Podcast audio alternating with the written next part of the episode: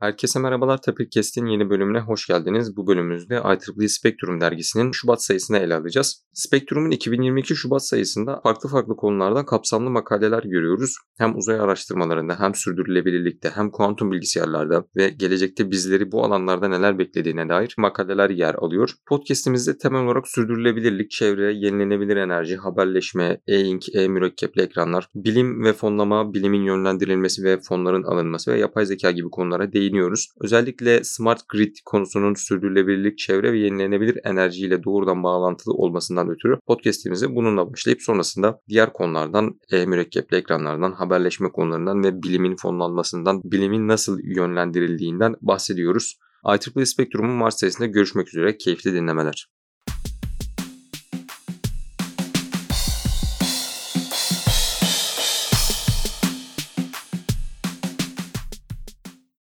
Serhan Hocam hoş geldiniz. Hoş bulduk Halil.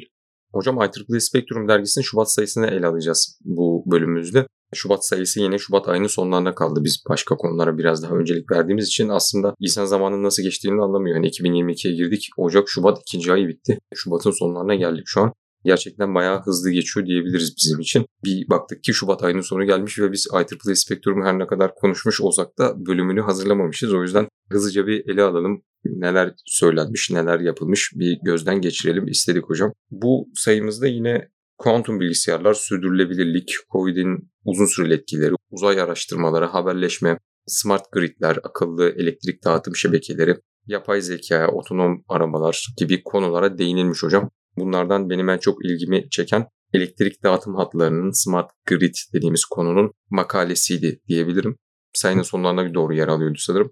Bunun temel sebebi aslında hem ülkemizde hem Amerika'da hem Avrupa ülkelerinde artık belirli bir şekilde gözle görülür bir şekilde elektrik dağıtım şebekelerinde sorunlar yaşanıyor. Her ne kadar teknoloji ilerlese de artan talep nedeniyle ve aşırı doğa olaylarının yaşandığı sıralarda aşırı artan talep nedeniyle geçtiğimiz sene sanırım Teksas'ta ölen insanlar bile oldu soğuktan. Yani Teksas'ta daha önce hiç öyle bir soğuk yaşanmamış ve elektrik olmaması sebebiyle ciddi problemler yaşanmıştı. Hatta Sezer abi dosyalarda Teksas'taydı diye biliyorum konuşmuştuk abi nasıl falan diye attığımız mesajlar iletilmiyordu yani bütün haberleşme falan da gitmişti. Bu çalışmada temel olarak aslında haberleşme ağlarını baz alıp haberleşme ağlarını örnek alıp elektrik kullanan cihazlara elektrik kullanma hakkı tanımlıyorlar ve bu cihazlar kendilerinin ne kadar öncelikli olması gerektiğini sisteme bildiriyor. Ona göre de sistem sen bu kadar kullanabilirsin, sen bu kadar kullanabilirsin diye dağıtımı gerçekleştiriyor. Tabii şu anki günlük hayatımızda kullandığımız elektrikli cihazları göz önüne aldığımız zaman bence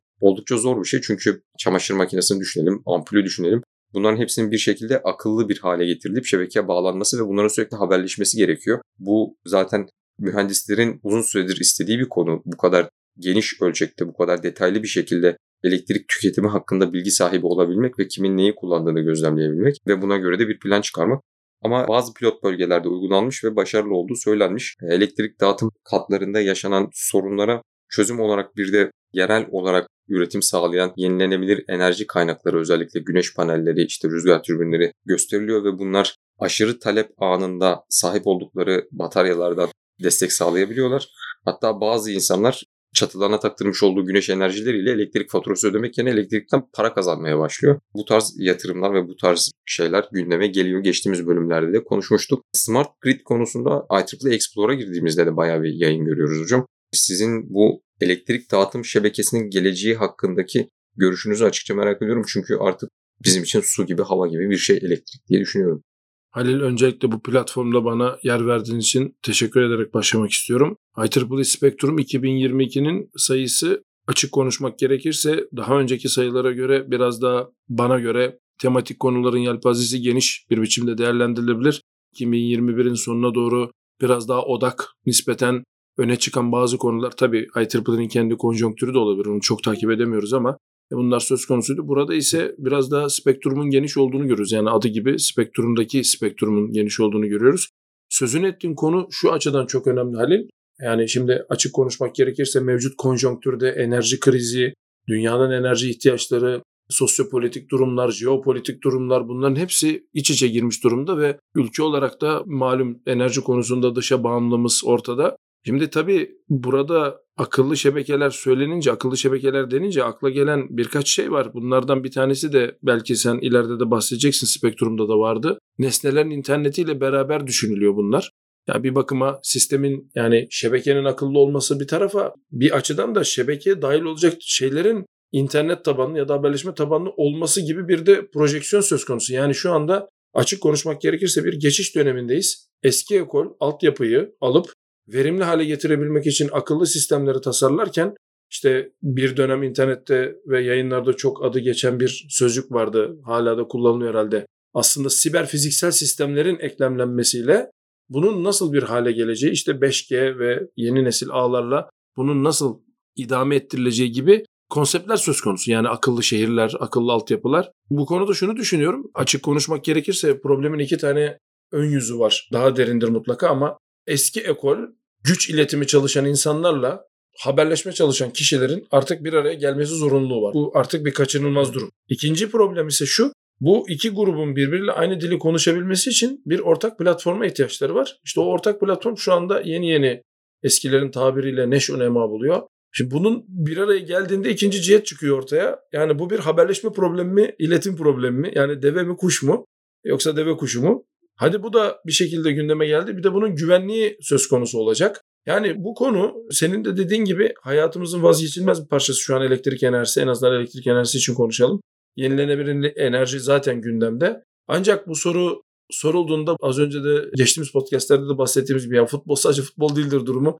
Yani enerji sadece enerji değildir problemine dönüşmüş oldu artık. Gerçekten ben de merakla takip ediyorum çünkü problemin bir kısmında ben de işte biliyorsun Osman e, hala şu an Texas'ta evet. problemi ilgilendiği doktorasının bir kısmında ilgilendiği konulardan biri de bu.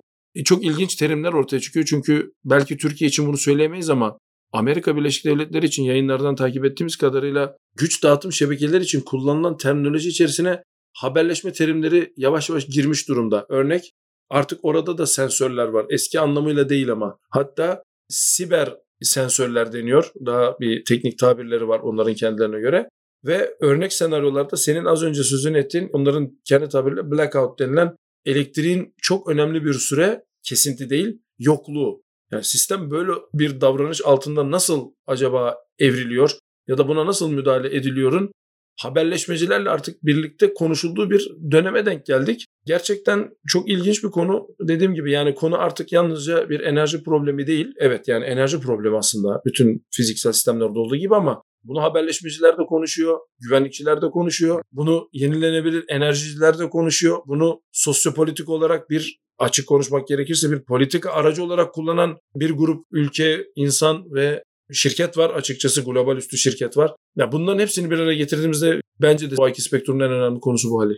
Hatta Muhammed El Aydın Hoca ile olan bölümlerimizde kritik altyapılar konusunda değinmiştik hocam buna genişçe. Daha önce Türkiye'de yaşadığımız elektrik, ülke genelinde yaşanan elektrik kesintilerinden ve Amerika'ya Rusya'nın yapmış olduğu çeşitli saldırılar sonrasında yaşanan kesintilerden hoca bahsetmişti. Oldukça önemli olduğunu düşünüyorum o yüzden. Çünkü sadece evde kullandığımız ampul olarak değil de Hastanede buna bağlı, askeriye de bunu kullanıyor. Tüm işler buradan yürüyor. Finans da buraya bağlı. Özellikle bir de son günlerde Rusya ile yaşanan sıkıntılardan sonra sanırım bunların sayısı artacaktır. Özellikle internette görüyoruz. Elektrik dağıtım şirketleri belirli noktalar sürekli siber saldırıya uğruyor ve bunların sayısı gittikçe artıyor. Geçtiğimiz hafta Muhammed El Aydın Hoca derste bahsetmişti yeni birkaç gerçekleşen saldırıdan ve bunların arkasında Rusya ile Ukrayna arasında olan gerilimden ötürü Rus hackerların yaptığını ya da onların kiraladığı kişilerin yaptığından bahsetmişti. Bu tarz sorunlar yaşamamak için aslında dediğiniz gibi belki eski ekol ya başımıza iş açmayın diye bir karşı çıkıyordur. Ama şu anki verimsizliği ya da verimi ne kadar ölçüde arttırabileceğimizi düşününce özellikle Glasgow Climate Pact dediğimiz bir şey gerçekleşti geçtiğimiz haftalarda. Orada 2030 yılına dair çok ciddi kararlar alındı. Neredeyse 30 yıl öncesine dönmesi planlanıyor. 2010'un yarısına düşürülmesi planlanıyor. Ancak bunu hedefleyebilmek için, bunu daha doğrusu başarabilmek için neredeyse şu anki araba üretim kapasitemizin tamamını elektrikliye çevirmemiz gerekiyor ki 2030 yılına kadar bütün bu başarılarımızı gerçekleştirebilelim. Ya da kimsenin uçağı bilmemesi gerekiyor mesela. Orada alınan ciddi hedefler acaba ya bunu hedefleyelim ne kadarını yapabilsek iyi diye mi alındı? Yoksa gerçekten bu spektrumda da tartışıldığı gibi gerçekleştirilebilir şeyler mi? Biraz kararsızım ama şunu görüyoruz ki özellikle sürdürülebilirlik konusunda ben dünyada yine gelişmiş ülkeler, gelişmekte olan ülkeler ve az gelişmiş ülkeler arasında ciddi bir uçurum olduğunu düşünüyorum. Yani şu an büyük ihtimalle Almanya'nın kullandığı elektrik üretim ve dağıtım teknolojisinin neredeyse 20-30 yıl gerisi belki bizim bu taraflarda vardır ve gittikçe daha da geriye gidiyordur diye düşünüyorum. O yüzden yine bu spektrumda da bahsedeceğiz. Wi-Fi ve 5G gibi yeni nesil kablosuz haberleşme ağlarında bizleri neler bekliyor. Yeni nesil haberleşme ağlarında temel hedef o bağlı olmayan nüfusun yarısını bağlamakken aslında onları bağlayabilmek için ilk gereken şey onlarda elektrik.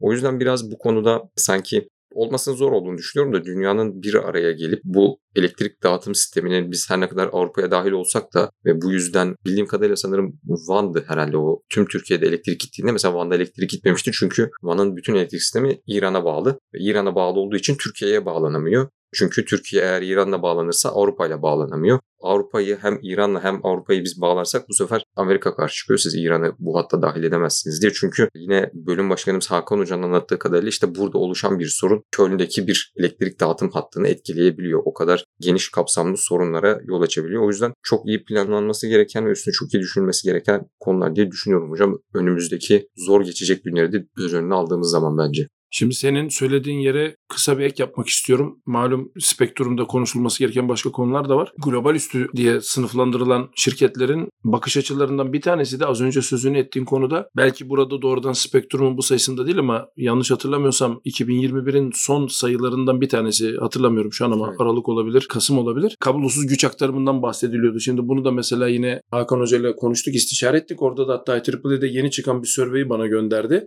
Çok da güzel hazırlanmış. Hala da okumaya devam ediyoruz.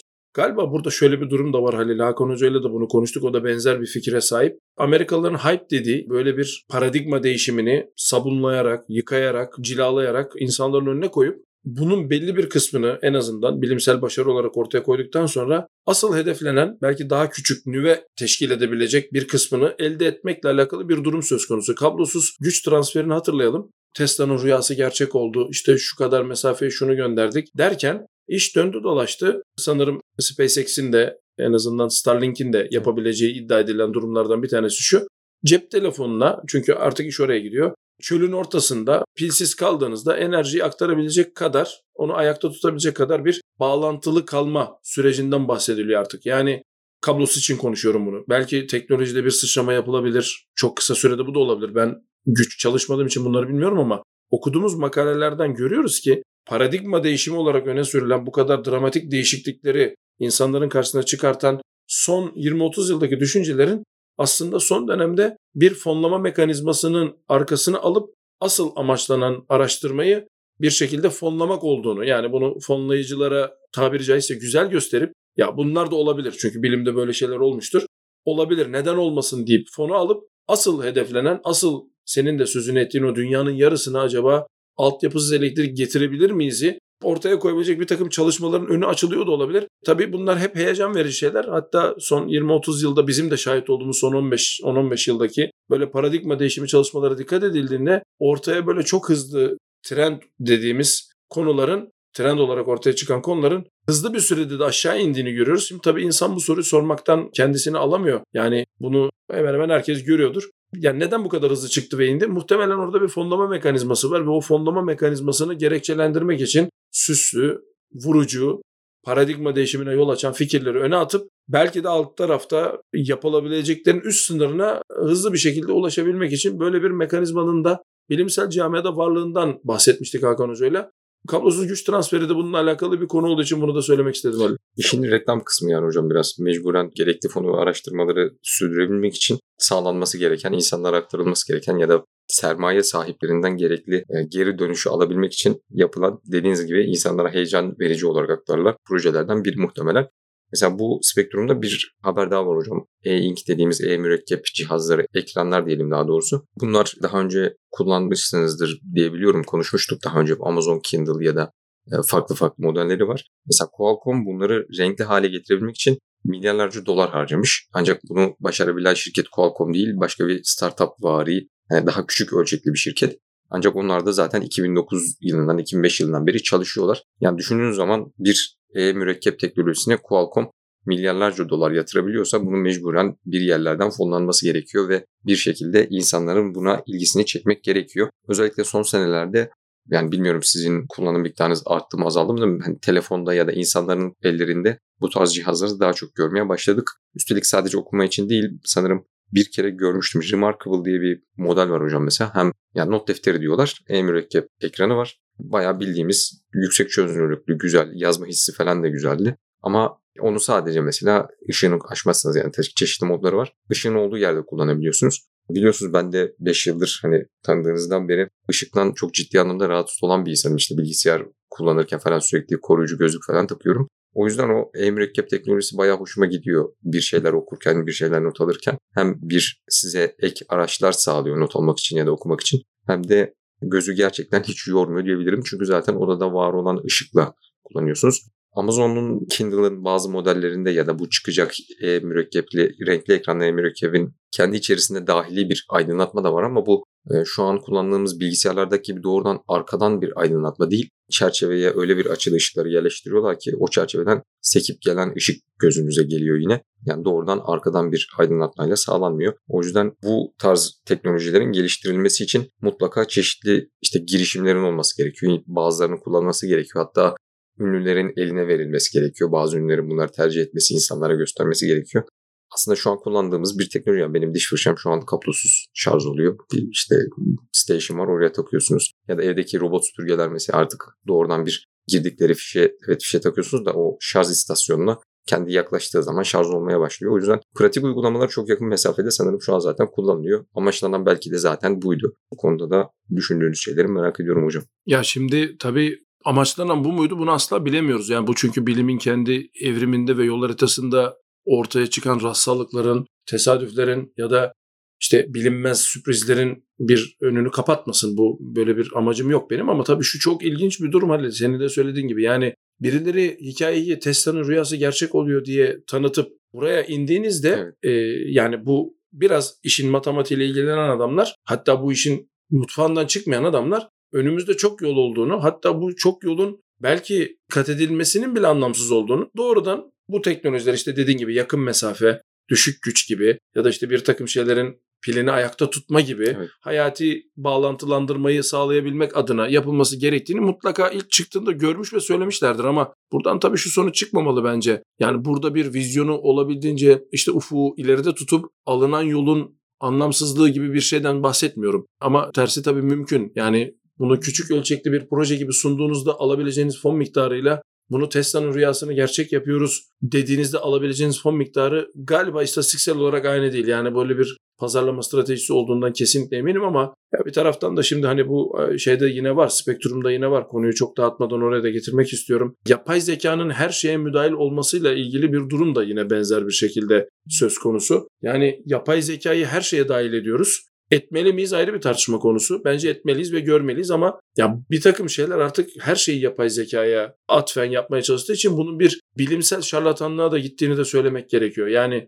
filmlerde işte ben o zaman tabii çocuktum belki sen ona yetişmedin. Ninja Kaplumbağalar da vardı. Terminator filminden de esinlenilen işte Skynet yani her şeyi bir global ağ bağladığınızda bir yapay zeka işte Matrix filminde de robotlar geliyor sizi öldürüyor. İşte Ninja Kaplumbağalarda da vardı yani işte güç sistemine bağlı tost makinesi gidip size saldırabiliyor. Yani hani bu tarz böyle ütopik şeyler de gündeme geliyor ve problem gördüğün gibi iki aşamalı. Yani birisi böyle bir fonlama sistemini muhtemelen döndürebilmek için bunun artılarını ve eksilerini, artılarını işte Tesla'nın rüyası gerçek oluyor. İşte artık her yere kablosuz erişeceğiz, güçleri aktaracağız diyerek ilerletiyor. Bir grup insanda yine bunun bak karşımıza böyle problemler de çıkabilir. Oturun iyi çalışın bak tehlikeleri de bunlar diyerek şıracının şahidi bozacı durumu da söz konusu. Hani böyle bir durum söz konusu ama bir de bunun etkilediği benim ilgilendiğim kısım o. Ya bilimsel şarlatanlığa dönüştüğünü de düşünüyorum. Yani yapay zeka çok satıyor diye ya da işte bu konular şu anda çok gidiyor diye tırnak içerisinde hiç alakası olmayan adamların ya da alakası olduğunu iddia eden adamların altı boş bir şekilde bilimsel camiaya enjeksiyon yaptığını düşünüyorum. Ben bunlardan biri olamıyorum belki de. Belki o yüzden böyle söylüyorum. Yani bu konuda yeteneksizliğim yüzünden bu eleştiri yapıyorumdur ama bir taraftan da olayın tarihsel sürecini seyrettiğimizde ortaya çıkan gerçekler var. Örnek işte Tesla'nın rüyası gerçek mi oldu yoksa dediğin gibi evdeki süpürgenin şarjını yapmak için mi aslında bu teknolojiyi kullanıyoruz yani diye bakıldığında böyle bir durum da söz konusu. Tabii bilimsel çalışmaların önüne engel değil ama Yani ortada bir dolap döndüğünü düşünüyorum ben de Halil. Reklam ve ilgi çekme konusunda aslında hemen hemen çoğu bölümde adı geçen işte malum Elon Musk isimli e, girişimci diyelim bayağı etkili olduğunu düşünüyorum hem Twitter'da hem diğer mecralarda. Bayağı iyi kullanıyor, insanları çok iyi manipüle ediyor ve fonu çok iyi bir şekilde topladığını düşünüyorum. Hatta çeşitli tartışmalarda var işte Amerikan adamı. Hani Obama gitmeden önceki gün Elon Musk'ın şirketinin batmaması için çeşitli yardım fonlarını onaylayıp ondan sonra görevi bırakıyor.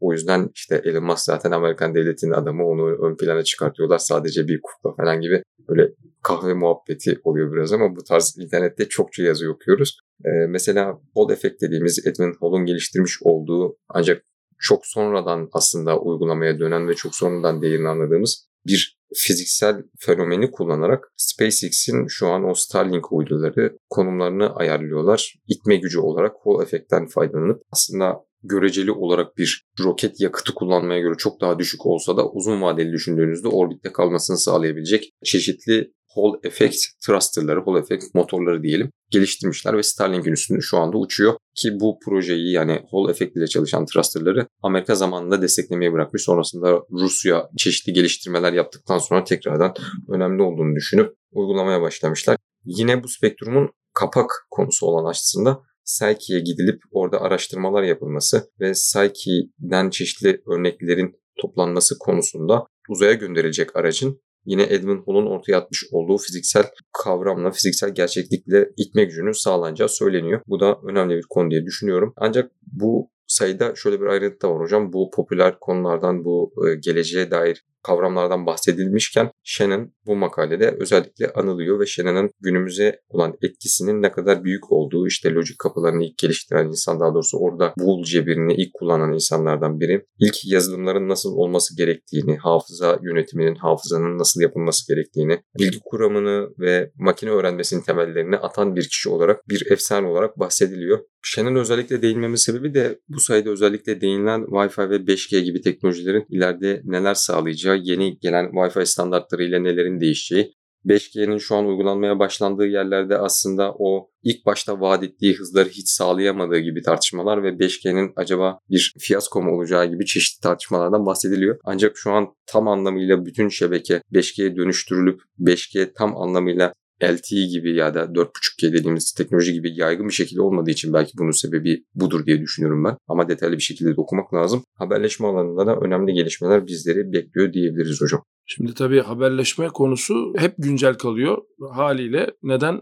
Çünkü çok önemli artık işte bu spektrumda da değinilen bizim de spektrumun ya yani bu podcast'ın başında değindiğimiz artık bir şekilde her şeyi optimize etmenin yöntemi haberleşmeden geçtiği için haberleşmenin bir şekilde işin içinde olduğu bir durum söz konusu. Tabii Shannon'a ayrıca değinmek her zaman önemli. Yani Shannon gerçekten yazmış olduğu makaleyle o güne kadar yani bu kavramlar tekrar burada söylemek lazım. Biz e, Bella Podcast serisinden de aslında Shannon'a ayrı bir bölüm oluşturmuş durumdayız. Bununla alakalı yayına da çıkarsınız siz yakında. Ya Bella ekolü çok ayrı bir şey ama Shannon'ın yapmış olduğu şey gerçekten başlı başına büyük bir şey. Neden? Çünkü Shannon o güne kadar konuşulmayan şeyleri konuşmuş bir adam değil ama o güne kadar konuşulmuş olan şeyleri matematiksel bir çerçeve içerisine olabildiğince düzgün, gerçekten çok akıcı bir biçimde, yalın bir biçimde koymuş ilk insan. Ortaya bunu koymak lazım. Tabii etkileri tartışmalı. Ben açık konuşmak gerekirse buna şöyle katılmıyorum. Yani Shannon'ın dramatik bir şekilde yaptığı şey bunları ifade tarzımızı belki güncellemek. Yani bunu Shannon yapmasaydı muhtemelen 5-10 yıl içerisinde başka birisi ya da bir başka grup yapacaktı bu işi. Tabii şunu söylemeye çalışmıyorum. Yani Shannon'ın yaptığı işi azımsamak, küçümsemek gibi bir derdim yok. Böyle bir şey zaten olamaz benim gibi bir bilim insanı yamağı bile olamayacak kişi için. Ancak burada tabii şunu söylemek gerekiyor. Ya Shannon'ın içinde bulunduğu kültür biraz açıkçası geri planda tutuluyor. Beni rahatsız eden bu. Yani Shannon öyle bir ortamda bu işleri yaptı ki bu Shannon'ı ne kadar büyük yapıyorsa Shannon'ın içinde bulunduğu ortamı da bence konuşmamız gerektiğini ya da o ortamı konuşmazsak